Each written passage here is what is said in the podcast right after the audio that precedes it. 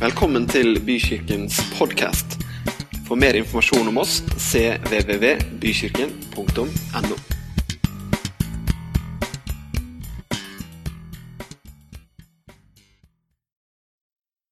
Takk, Jesus, for at eh, du er vår frihet. Takk for at du døde på korset for våre synder. Takk at vi har fått komme inn i fellesskap med deg ved troen. Vi ærer deg, og vi takker deg, og vi priser deg. Amen. Dere, da skal vi eh, dele Guds ord sammen. og det fantastiske med Guds ord er jo nettopp det at eh, det har noe å si til oss. Uh, uansett situasjon, uansett hvor vi er i livet, så er det sånn at Guds ord har noe å si oss. Det har et løfte. Det har noe som vi kan bygge livene våre på. Vi er mennesker, og selv om vi er mennesker, så uh, er, betyr ikke det at Gud ikke kan samhandle med oss. Det betyr ikke at han eh, ikke bryr seg. Det betyr ikke at vi ikke er gode nok til å nå opp til hans nivå på en eller annen måte. Nei, han vet at du som menneske, at jeg som menneske har behov. Han vet at vi utsettes for omstendigheter og situasjoner som gjør at det er krevende.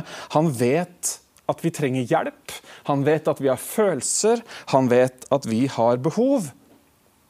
Og Jeg har lyst til å snakke om akkurat det i dag, faktisk.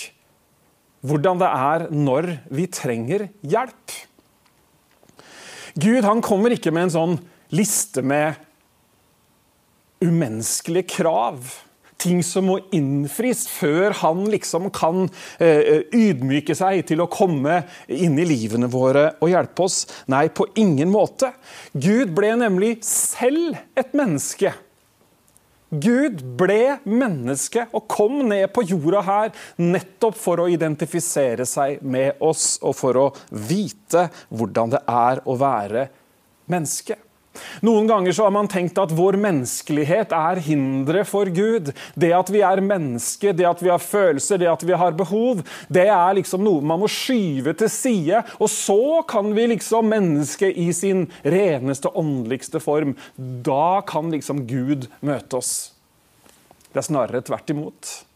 Vår menneskelighet er den landingsplassen der hvor Gud kan komme med sin nåde, med sin miskunnhet, det er ikke sånn at landingsplattformen må være perfekt. Det er ikke sånn at alt må være på stell. Det er ikke sånn at alt liksom skal eh, passe inn i en sånn helt nøyaktig spekkliste. Nei, snarere så er det tvert imot.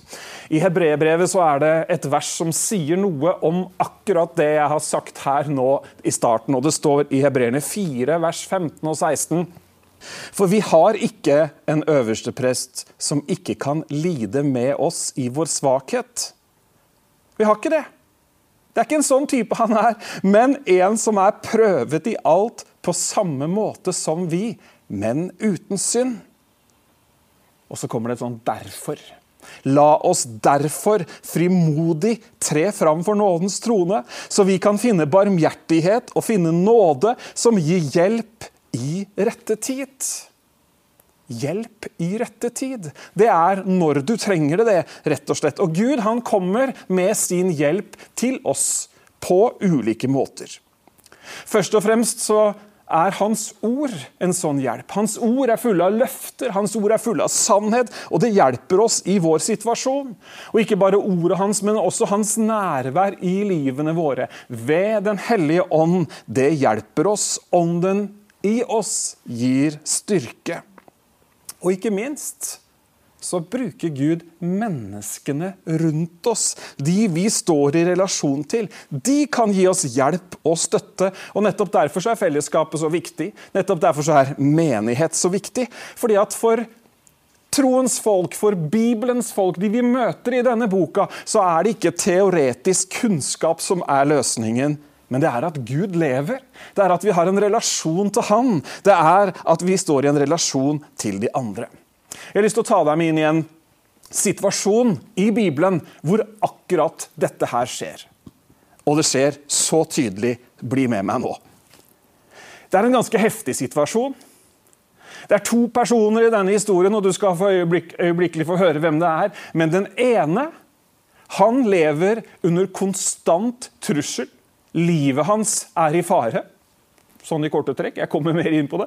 Han andre han lever kanskje om mulig en enda verre situasjon. Han sitter i det innerste fangehull, og han vet at han er dømt til døden. Han vet at den døden skal inntreffe ved halshogging, og han vet ikke akkurat når, men han vet at det kommer. Midt i denne situasjonen her så foregår, eh, så foregår det en hjelp. Den ene er i stand til å hjelpe den andre midt i en sånn situasjon. Den ene, han som lever med trusselen, er den unge menighetslederen Timoteus. Situasjonen for Timoteus er at keiser Nero herjer på sitt verste. Kristne forfølges, de tas av dage, og han står der i en menighetssituasjon, og medlemmer forsvinner, medledere takker for seg, og det er utrolig krevende. Keiser Nero har lagt skylda på de kristne for ting som har skjedd rundt dem. Og det er ganske heftige tilstander. Han som skriver brev til Timoteus, er jo selvfølgelig Paulus. Det visste du som leser Bibelen. Og Paulus sitter i fengsel. Denne gangen så sitter ikke Paulus i fengsel i form av en husarrest. Det har han gjort tidligere. Han har sittet i, i, i husarrest i, i, hva skal man si, leide hus, hatt lov til å ha besøk osv. Denne gangen så vet Paulus at nå er livet mitt snart over. Og fra det innerste fangerommet i fengselet, så skriver han et brev til Timoteus. Vi klarer ikke å sette oss inn i situasjonen verken til Paulus eller Timoteus. Vi kan kanskje allikevel sette oss inn i en situasjon hvor vi er sterkt pressa, hvor vi trenger hjelp, hvor vi er i behov av at noen gir oss noe som kan være en hjelp som kan gjøre at vi får nytt mot, at vi ser lenger, og at vi finner ut at alt faktisk egentlig ikke er over. Men det er noen ting i, denne, i dette brevet som jeg har lyst til at du skal merke deg. Det er sider her som du trenger, det er sider her som jeg trenger, og som vi definitivt trenger i fellesskapet mellom hverandre i menigheten. Og Vi leser sammen fra 2. Timoteus brev, det første kapitlet. Og det er Paulus som skriver dette brevet til Timoteus. Dette brevet er ikke prega av en sånn fantastisk struktur. Dette brevet er liksom ikke prega av å være noen lærebok i teologi, men vi ser apostelens hjerte. Vi ser han overlevere noen perspektiver inn i en ung eh, leders liv som er av stor betydning, og det er av betydning for alle troende. Paulus, Jesu Kristi apostel, utsendt ved Guds vilje for å forkynne løftet om liv i Kristus Jesus. Hilser Timoteus, mitt kjære barn. Nåde, barmhjertighet og fred fra Gud, vår Far, og Kristus Jesus, vår Herre. Jeg takker stadig for deg og husker på deg natt og dag i mine bønner til Gud, som jeg tjener med en ren samvittighet, slik som mine forfedre. Jeg glemmer ikke tårene dine og jeg lengter etter å se deg igjen. Det ville gjøre meg inderlig glad. Jeg husker din oppriktige tro, som først bodde i din mormor Lois og i din mor Eunike. Og jeg er overbevist om at den også bor i deg.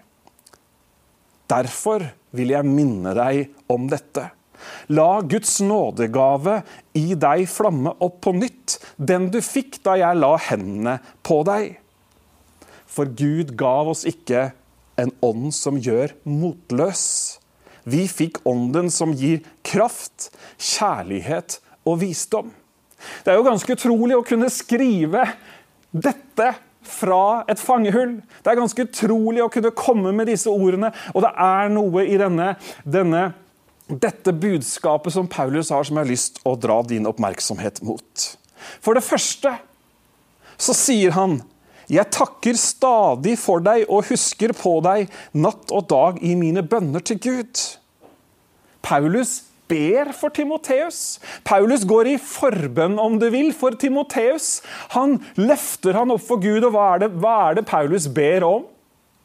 Det står ikke her akkurat hva det ber om, men vi ser i andre, i andre, steder hva Paulus ber om. Jo, han ber for de troende, og han ber for Timoteus. Han ber til Gud natt og dag, og så sier han, kjære Far i himmelen, du ser Timoteus, du kjenner Timoteus, og jeg ber om at du skal gi lys inn i hjertet hans, så han ser mer enn omstendighetene. Jeg ber om at du skal overbevise han om hva han faktisk har fått i deg.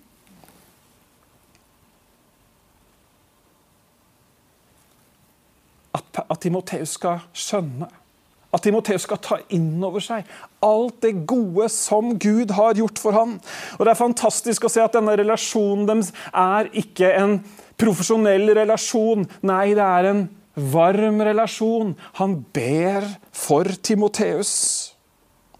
Utfordringen er jo ikke at Gud ikke har gjort noe for Timoteus, men utfordringen er at Timoteus, akkurat som deg og meg, kanskje ikke har klart å se alt hva Gud har gjort. Kanskje han ikke har helt klart å ta imot alt det som Gud har gitt.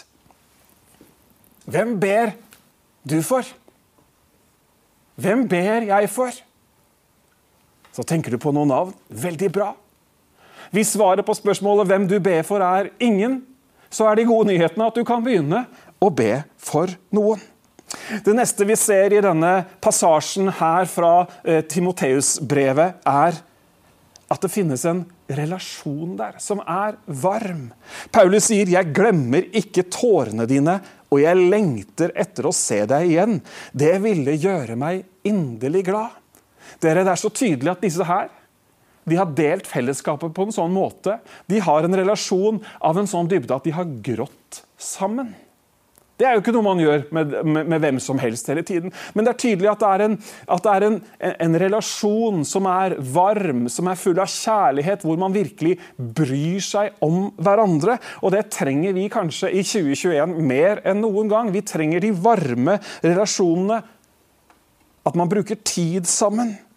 Og det er jo interessant også at i i Bibelen, i Guds rike, så er det visse ord som brukes for å beskrive relasjonene oss troende imellom. Og det er sånne familieord. Det er bror, det er søster, vi er barn, Gud er vår far, osv. Det viser hvilken nærhet det er.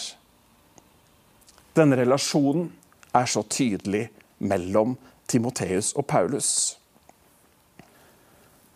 så går Paulus over til å nevne noen ting helt konkret i Timoteus sitt liv som er interessant.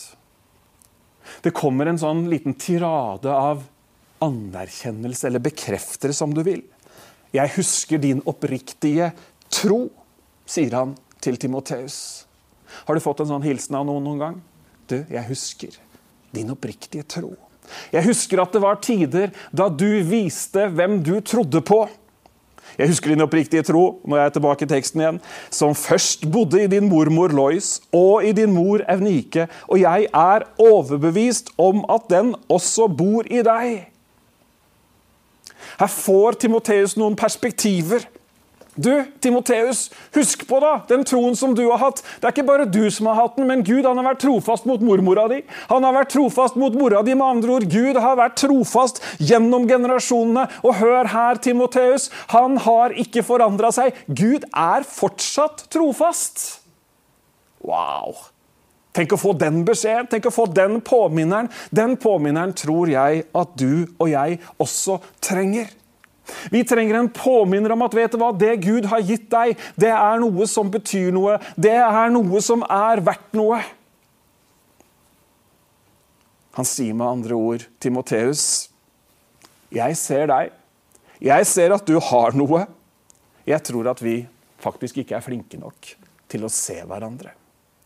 Jeg tror ikke vi som mennesker generelt er altfor dyktige på å anerkjenne og bekrefte menneskene rundt oss for de gavene de har, og for den de er, og for den tro de lever ut.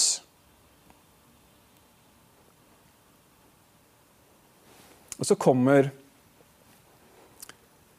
denne åndelige faren til Timoteus, Paulus. Han kommer med en utfordring.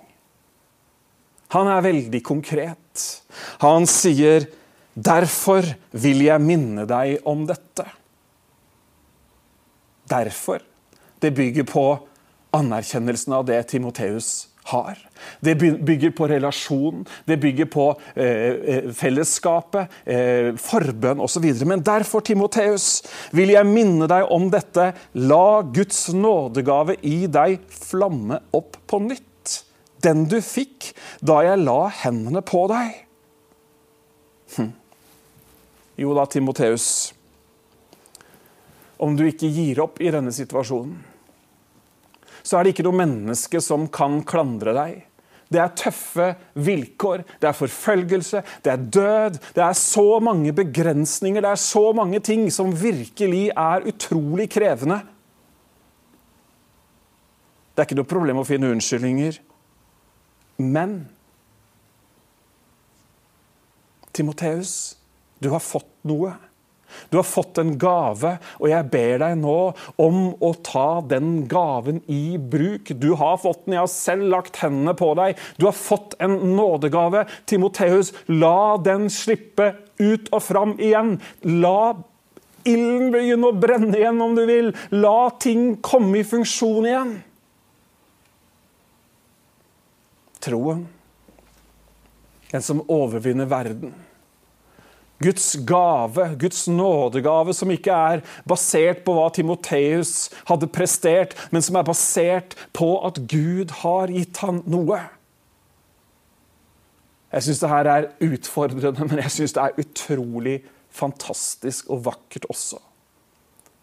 En relasjon med en dybde og en varme som gjør at man til og med kan utfordre helt inn på det veldig personlige, nemlig hvilken gave Gud har gitt deg. Jeg tror at en sann relasjon må ha utfordringen i seg. Vi må snakke sant med hverandre. Bibelen sier også at enhver skal tale sannhet med sin neste.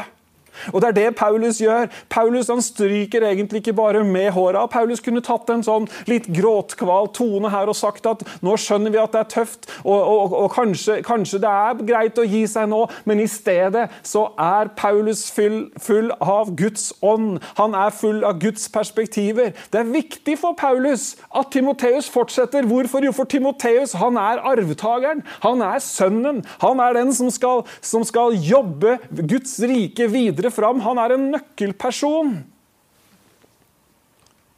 En sann relasjon våger utfordringen og si du, den gaven du har, det kallet du har, det Gud har gitt deg, det jeg vet at du har, for jeg var der da du fikk det, eller det jeg vet at du har, for jeg har sett deg bruke det før, nå er det tid for å slippe det ut igjen. Hm. En utfordring. Våger du å utfordre folka rundt deg? Nå har jeg akkurat utfordra deg litt. Den gaven du har fått, la den flamme opp igjen. Og Så er det en ting til som henger litt sammen med dette her, men det handler om sannhet. Paulus våger å snakke sant inn i Timoteus sitt liv. Han kommer også med, med, med, med en, teolog, en teologisk sannhet inn i denne sammenhengen her. Han kommer ikke med en menneskelig bortforklaring, men han kommer med en teologisk sannhet. Han sier at for Gud ga oss ikke en ånd som gir som gjør motløs, men vi fikk ånden som gir kraft, kjærlighet og visdom. Hva er sannhet? Jo, det er rett lære om Gud. Og du vet at Gud han er konstant. Han forandrer seg ikke. Følelsene de kommer og går. Og følelser hadde Timoteus garantert i denne situasjonen. Han, han, kjente helt sikkert på frykt, kjente helt sikkert på en motløshet, kjente helt sikkert på fristelsen til å bare gi opp, for det nytter jo ikke i det hele tatt. Hallo, nå har han slutta. Nå har de gitt seg. Nå er det nye trusler, osv., osv. Men så sier Paulus til sin sønn Gud ga oss ikke en ånd som gir eller som gjør oss motløse. Nei, det som kommer fra Gud, det er ny styrke. Det er ikke Gud som sier 'nå er det på tide å gi opp'. Det er ikke Gud som sier 'la oss kaste inn håndkle'. Det er ikke Gud som sier at 'ja, ja, ja, det gikk visst ikke allikevel'. Nei, Gud han kommer med nytt mot, med ny styrke, med ny kraft, og han gjør det gang på gang på gang. Han kommer med her står det vi fikk ånden som gir kraft, kjærlighet og visdom. Det er viktig at vi justerer oss etter sannheten, og ikke justerer sannheten etter oss. Vi kan føle ting, og det er reelt. Vi har det sånn eller vi har det sånn. Men det er ikke det samme som at Gud har skifta mening. At, at, du føler deg dårlig en dag, betyr ikke at han ikke fortsatt er han som frelser, han som gir styrke, han som tilgir synd. Hm. En sann relasjon. Hjelp når vi trenger det. Det er når noen ber. Det er når det finnes en dyp og varm relasjon. Det er når vi anerkjenner hverandre og våger å utfordre hverandre og våger å holde fram sannheten. Sannheten om Gud. Jeg har lyst til å lese det ene verset her en gang til. For Gud gav oss ikke en ånd som gjør motløs. Vi fikk ånden som gir kraft, kjærlighet og visdom. Amen. Så bra. Nå skal vi be sammen, og så skal vi også synge en sang sammen før vi, før vi er sånn nesten ferdige. Kjære Gud, jeg takker deg for at du kommer med styrke. Du kommer med kraft. Du kommer ikke med motløshet. Du kommer ikke med en sånn innstilling at det er bare å kaste inn håndkleet og gi opp, men du kommer med ny kraft, Herre. Og Herre, nå ber jeg deg for den som trenger ny kraft akkurat nå. Den som står i en sånn situasjon, ikke som har en keiser som herjer, men som har andre mektige, store ting rundt seg som virker uovervinnelige. Som virker helt umulig å beseire, som virker helt umulig å komme seg gjennom. Selv om noen har hatt lyst til å gi opp, så ber jeg, Herre, for hver eneste en. Og så forkynner jeg ditt ord, din sannhet, nemlig at du kommer ikke med motløshet, men du kommer med din ånd, som gir kraft, kjærlighet og et sunt sinn. I Jesu navn. Amen.